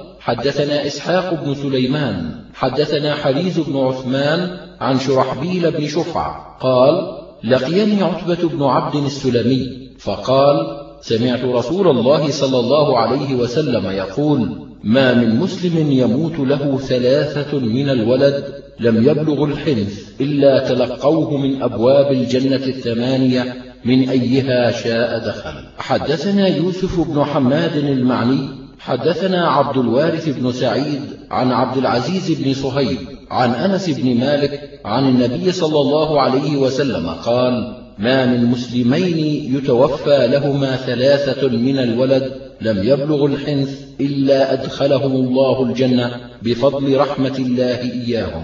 حدثنا نصر بن علي الجهضمي حدثنا إسحاق بن يوسف عن العوام بن حوشب عن أبي محمد مولى عمر بن الخطاب عن أبي عبيدة عن عبد الله قال قال رسول الله صلى الله عليه وسلم من قدم ثلاثة من الولد لم يبلغ الحنث كانوا له حصنا حصينا من النار. فقال أبو ذر قدمت اثنين. قال واثنين. فقال أبي بن كعب سيد القراء. قدمت واحدة قال وواحدة حدثنا أبو بكر بن أبي شيبة. قال حدثنا خالد بن مخلد. حدثنا يزيد بن عبد الملك النوفلي عن يزيد بن رومان عن أبي هريرة قال قال رسول الله صلى الله عليه وسلم لسقط أقدمه بين يدي أحب إلي من فارس أخلفه خلفي. حدثنا محمد بن يحيى ومحمد بن إسحاق. أبو بكر البكائي قالا حدثنا أبو غسان قال حدثنا مندل عن الحسن بن الحكم النفعي عن أسماء بنت عابس بن ربيعة عن أبيها عن علي قال قال رسول الله صلى الله عليه وسلم إن السقط ليراغم ربه إذا أدخل أبويه النار. فيقال أيها السقط المراغم ربه أدخل أبويك الجنة فيجرهما بسرره حتى يدخلهما الجنة. قال أبو علي يراغم ربه يغاضب. حدثنا علي بن هاشم بن مرزوق حدثنا عبيدة بن حميد حدثنا يحيى بن عبيد الله عن عبيد الله بن مسلم الحضرمي عن معاذ بن جبل عن النبي صلى الله عليه وسلم قال والذي نفسي بيده إن السقط ليجر أمه بسرره إلى الجنة إذا احتسبت. حدثنا هشام بن عمار ومحمد بن الصباح قالا حدثنا سفيان بن عيينة عن جعفر بن خالد عن أبيه عن عبد الله بن جعفر قال لما جاء نعي جعفر قال رسول الله صلى الله عليه وسلم اصنعوا لآل جعفر طعاما فقد أتاهم ما يشغلهم أو أمر يشغلهم. حدثنا يحيى بن خلف أبو سلمة قال حدثنا عبد الأعلى عن محمد بن إسحاق حدثني عبد الله بن أبي بكر عن أم عيسى الجزار قالت حدثتني أم عون ابنة محمد بن جعفر عن جدتها أسماء بنت عميس قالت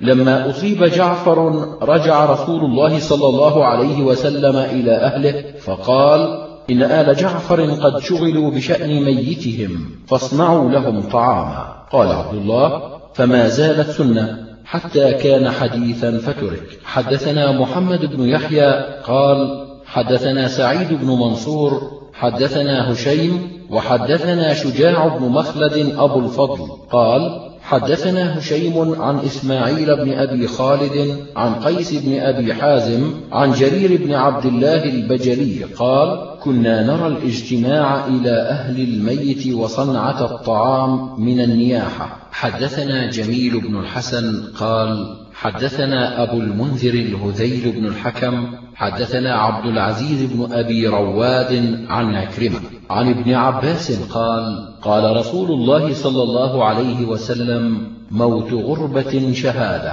حدثنا حرملة بن يحيى قال حدثنا عبد الله بن وهب حدثني حيي بن عبد الله المعافري عن أبي عبد الرحمن الحبلي عن عبد الله بن عمرو قال توفي رجل بالمدينة ممن ولد بالمدينة فصلى عليه النبي صلى الله عليه وسلم فقال يا ليته مات في غير مولده. فقال رجل من الناس ولم يا رسول الله؟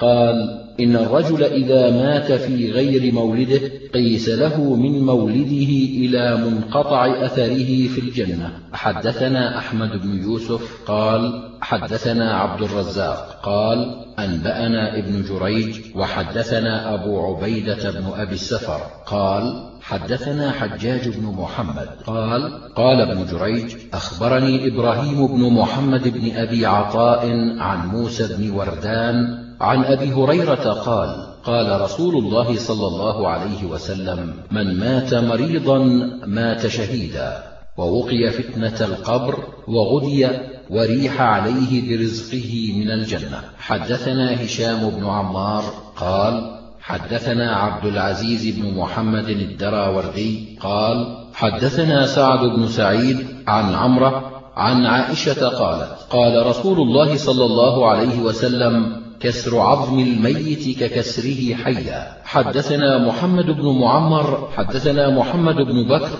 حدثنا عبد الله بن زياد. أخبرني أبو عبيدة بن عبد الله بن زمعة عن أمه عن أم سلمة عن النبي صلى الله عليه وسلم قال كسر عظم الميت ككسر عظم الحي في الإثم.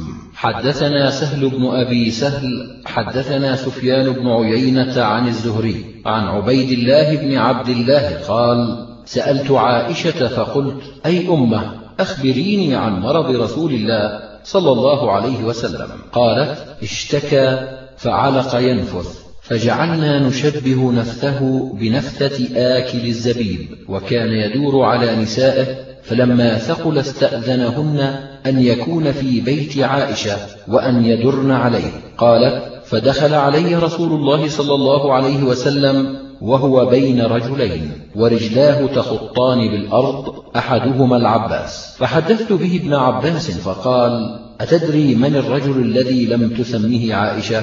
هو علي بن أبي طالب. حدثنا أبو بكر بن أبي شيبة حدثنا أبو معاوية عن الأعمش عن مسلم عن مسروق. عن عائشة قالت كان النبي صلى الله عليه وسلم يتعوذ بهؤلاء الكلمات. أذهب الباس رب الناس واشف أنت الشافي. لا شفاء إلا شفاءك شفاء لا يغادر سقما. فلما ثقل النبي صلى الله عليه وسلم في مرضه الذي مات فيه أخذت بيده فجعلت أمسحه وأقولها فنزع يده من يدي ثم قال اللهم اغفر لي وألحقني بالرفيق الأعلى قالت فكان هذا آخر ما سمعت من كلامه صلى الله عليه وسلم حدثنا أبو مروان العثماني حدثنا إبراهيم بن سعد عن أبيه عن عروة عن عائشة قالت سمعت رسول الله صلى الله عليه وسلم يقول ما من نبي يمرض إلا خير بين الدنيا والآخرة قالت فلما كان مرضه الذي قبض فيه أخذته بحة فسمعته يقول مع الذين أنعم الله عليهم من النبيين والصديقين والشهداء والصالحين فعلمت أنه خير. حدثنا أبو بكر بن أبي شيبة حدثنا عبد الله بن نمير عن زكريا عن فراس عن عامر عن مسروق عن عائشة قالت اجتمعن نساء النبي صلى الله عليه وسلم فلم تغادر منهن امرأة. فجاءت فاطمة كأن مشيتها مشية رسول الله صلى الله عليه وسلم فقال مرحبا بابنتي ثم أجلسها عن شماله ثم إنه أسر إليها حديثا فبكت فاطمة ثم إنه سارها فضحكت أيضا فقلت لها ما يبكيك؟ قالت ما كنت لأفشي سر رسول الله صلى الله عليه وسلم. فقلت ما رأيتك اليوم فرحا أقرب من حزن. فقلت لها حين بكت أخصك رسول الله صلى الله عليه وسلم بحديث دوننا؟ ثم تبكين. وسألتها عما قال. فقالت ما كنت لأفشي سر رسول الله صلى الله عليه وسلم. حتى إذا قبض سألتها عما قال. فقالت إنه كان يحدثني أن جبرائيل كان يعارضه بالقرآن في كل عام مرة وأنه عارضه به العام مرتين.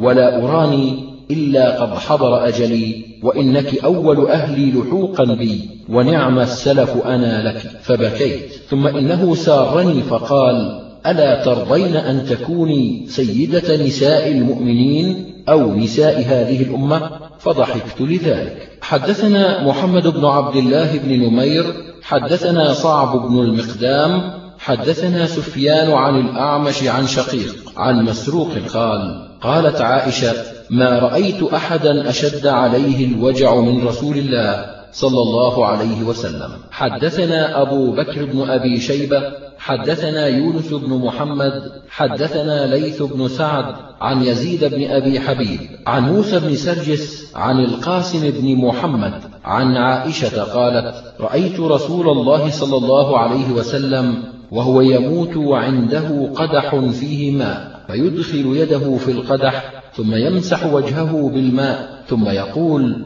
اللهم أعني على سكرات الموت. حدثنا هشام بن عمار حدثنا سفيان بن عيينة عن الزهري. سمع أنس بن مالك يقول آخر نظرة نظرتها إلى رسول الله صلى الله عليه وسلم كشف الستارة يوم الاثنين فنظرت إلى وجهه كأنه ورقة مصحف والناس خلف أبي بكر في الصلاة. فأراد أن يتحرك فأشار إليه أن اثبت وألقى السجف ومات في آخر ذلك اليوم. حدثنا أبو بكر بن أبي شيبة حدثنا يزيد بن هارون حدثنا همام عن قتادة عن صالح أبي الخليل عن سفينة عن أم سلم أن رسول الله صلى الله عليه وسلم كان يقول في مرضه الذي توفي فيه الصلاة وما ملكت أيمانكم فما زال يقولها حتى ما يفيض بها لسانه. حدثنا أبو بكر بن أبي شيبة حدثنا إسماعيل بن علي عن ابن عون عن إبراهيم عن الأسود قال ذكروا عند عائشة أن عليا كان وصيا. فقالت متى أوصى إليه فلقد كنت مسندته إلى صدري أو إلى حجري فدعا بطست فلقد انخنث في حجري فمات وما شعرت به. فمتى أوصى صلى الله عليه وسلم؟ حدثنا علي بن محمد حدثنا أبو معاوية عن عبد الرحمن بن أبي بكر عن ابن أبي مليكة عن عائشة قالت لما قبض رسول الله صلى الله عليه وسلم وأبو بكر عند امرأته ابنة خارجة بالعوالي فجعلوا يقولون لم يمت النبي صلى الله عليه وسلم إنما هو بعض ما كان يأخذه عند الوحي. فجاء أبو بكر فكشف عن وجهه وقبل بين عينيه وقال أنت أكرم على الله أن يميتك مرتين. قد والله مات رسول الله صلى الله عليه وسلم وعمر في ناحية المسجد يقول والله ما مات رسول الله صلى الله عليه وسلم ولا يموت حتى يقطع أيدي أناس من المنافقين كثير وأرجلهم.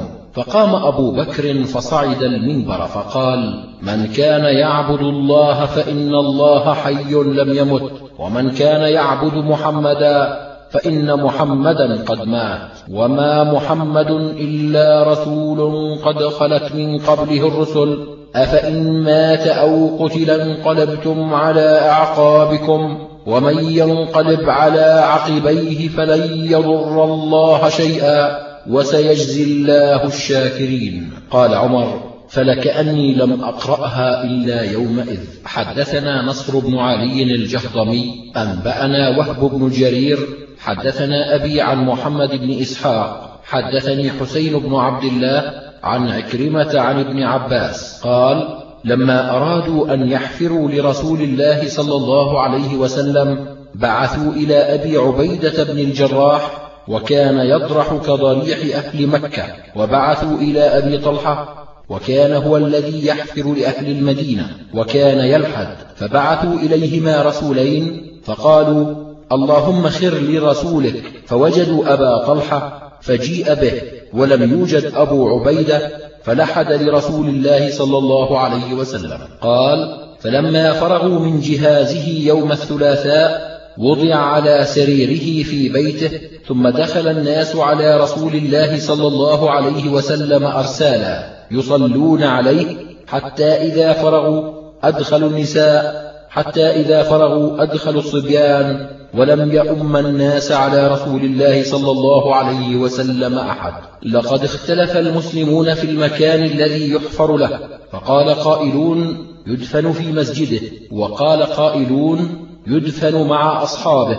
فقال أبو بكر إني سمعت رسول الله صلى الله عليه وسلم يقول ما قبض نبي إلا دفن حيث يقبض قال فرفعوا فراش رسول الله صلى الله عليه وسلم الذي توفي عليه فحفروا له ثم دفن صلى الله عليه وسلم وسط الليل من ليلة الأربعاء ونزل في حفرته علي بن أبي طالب والفضل بن العباس وقثم أخوه وشقران مولى رسول الله صلى الله عليه وسلم وقال أوس بن خولي وهو أبو ليلى لعلي بن أبي طالب أنشدك الله وحظنا من رسول الله صلى الله عليه وسلم. قال له علي انزل. وكان شقران مولاه. أخذ قطيفة كان رسول الله صلى الله عليه وسلم يلبسها. فدفنها في القبر وقال والله لا يلبسها أحد بعدك أبدا. فدفنت مع رسول الله صلى الله عليه وسلم. حدثنا نصر بن علي حدثنا عبد الله بن الزبير أبو الزبير.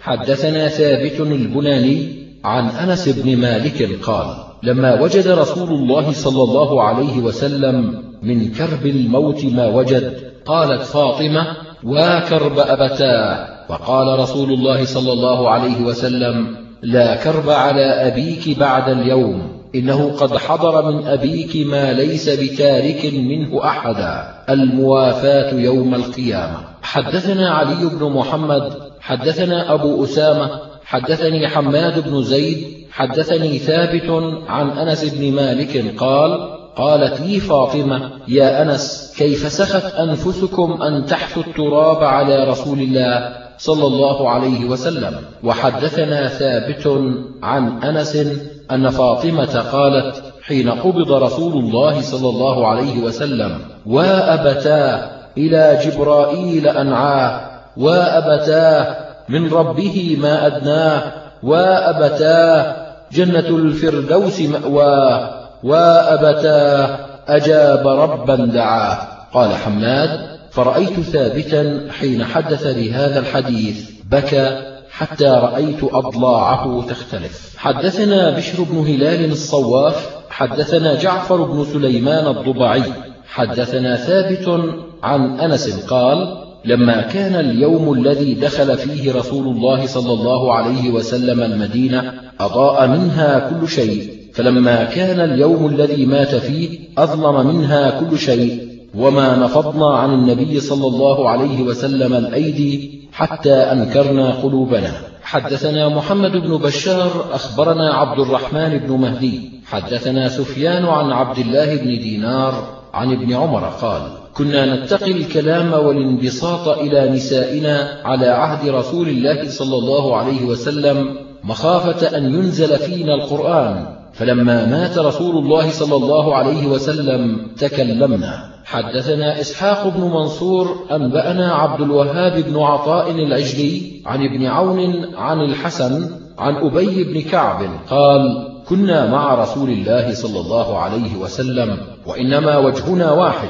فلما قبض نظرنا هكذا وهكذا. حدثنا إبراهيم بن المنذر الحزامي حدثنا خالد بن محمد بن إبراهيم بن المطلب بن السائب بن أبي وداعة السهمي. حدثني موسى بن عبد الله بن أبي أمية المخزومي. حدثني مصعب بن عبد الله عن أم سلمة بنت أبي أمية زوج النبي صلى الله عليه وسلم أنها قالت كان الناس في عهد رسول الله صلى الله عليه وسلم إذا قام المصلي يصلي لم يعد بصر أحدهم موضع قدميه فلما توفي رسول الله صلى الله عليه وسلم فكان الناس إذا قام أحدهم يصلي لم يعد بصر أحدهم موضع جبينه فتوفي أبو بكر وكان عمر فكان الناس إذا قام أحدهم يصلي لم يعد بصر أحدهم موضع القبلة. وكان عثمان بن عفان فكانت الفتنة فتلفت الناس يمينا وشمالا. حدثنا الحسن بن علي الخلال حدثنا عمرو بن عاصم حدثنا سليمان بن المغيرة عن ثابت عن أنس قال قال أبو بكر بعد وفاة رسول الله صلى الله عليه وسلم لعمر انطلق بنا إلى أم أيمن نزورها كما كان رسول الله صلى الله عليه وسلم يزورها. قال فلما انتهينا إليها بكت فقالا لها ما يبكيك فما عند الله خير لرسوله؟ قالت إني لأعلم أن ما عند الله خير لرسوله ولكن أبكي لأن الوحي قد انقطع من السماء. قال فهيجتهما على البكاء. فجعلا يبكيان معها. حدثنا أبو بكر بن أبي شيبة حدثنا الحسين بن علي عن عبد الرحمن بن يزيد بن جابر عن أبي الأشعث الصنعاني عن أوس بن أوس قال قال رسول الله صلى الله عليه وسلم إن من أفضل أيامكم يوم الجمعة فيه خلق آدم وفيه النفخة وفيه الصعقة فأكثروا علي من الصلاة فيه فإن صلاتكم معروضة علي. فقال رجل يا رسول الله كيف تعرض صلاتنا عليك وقد أرمت؟ يعني بليت. قال إن الله حرم على الأرض أن تأكل أجساد الأنبياء. حدثنا عمرو بن سواد المصري حدثنا عبد الله بن وهب عن عمرو بن الحارث عن سعيد بن أبي هلال عن زيد بن أيمن عن عبادة بن نسي عن أبي الدرداء قال قال رسول الله صلى الله عليه وسلم أكثروا الصلاة علي يوم الجمعة فإنه مشهود تشهده الملائكة وإن أحدا لن يصلي علي إلا عرضت علي صلاته حتى يفرغ منها. قال قلت وبعد الموت؟ قال وبعد الموت. إن الله حرم على الأرض أن تأكل أجساد الأنبياء فنبي الله حي يرزق.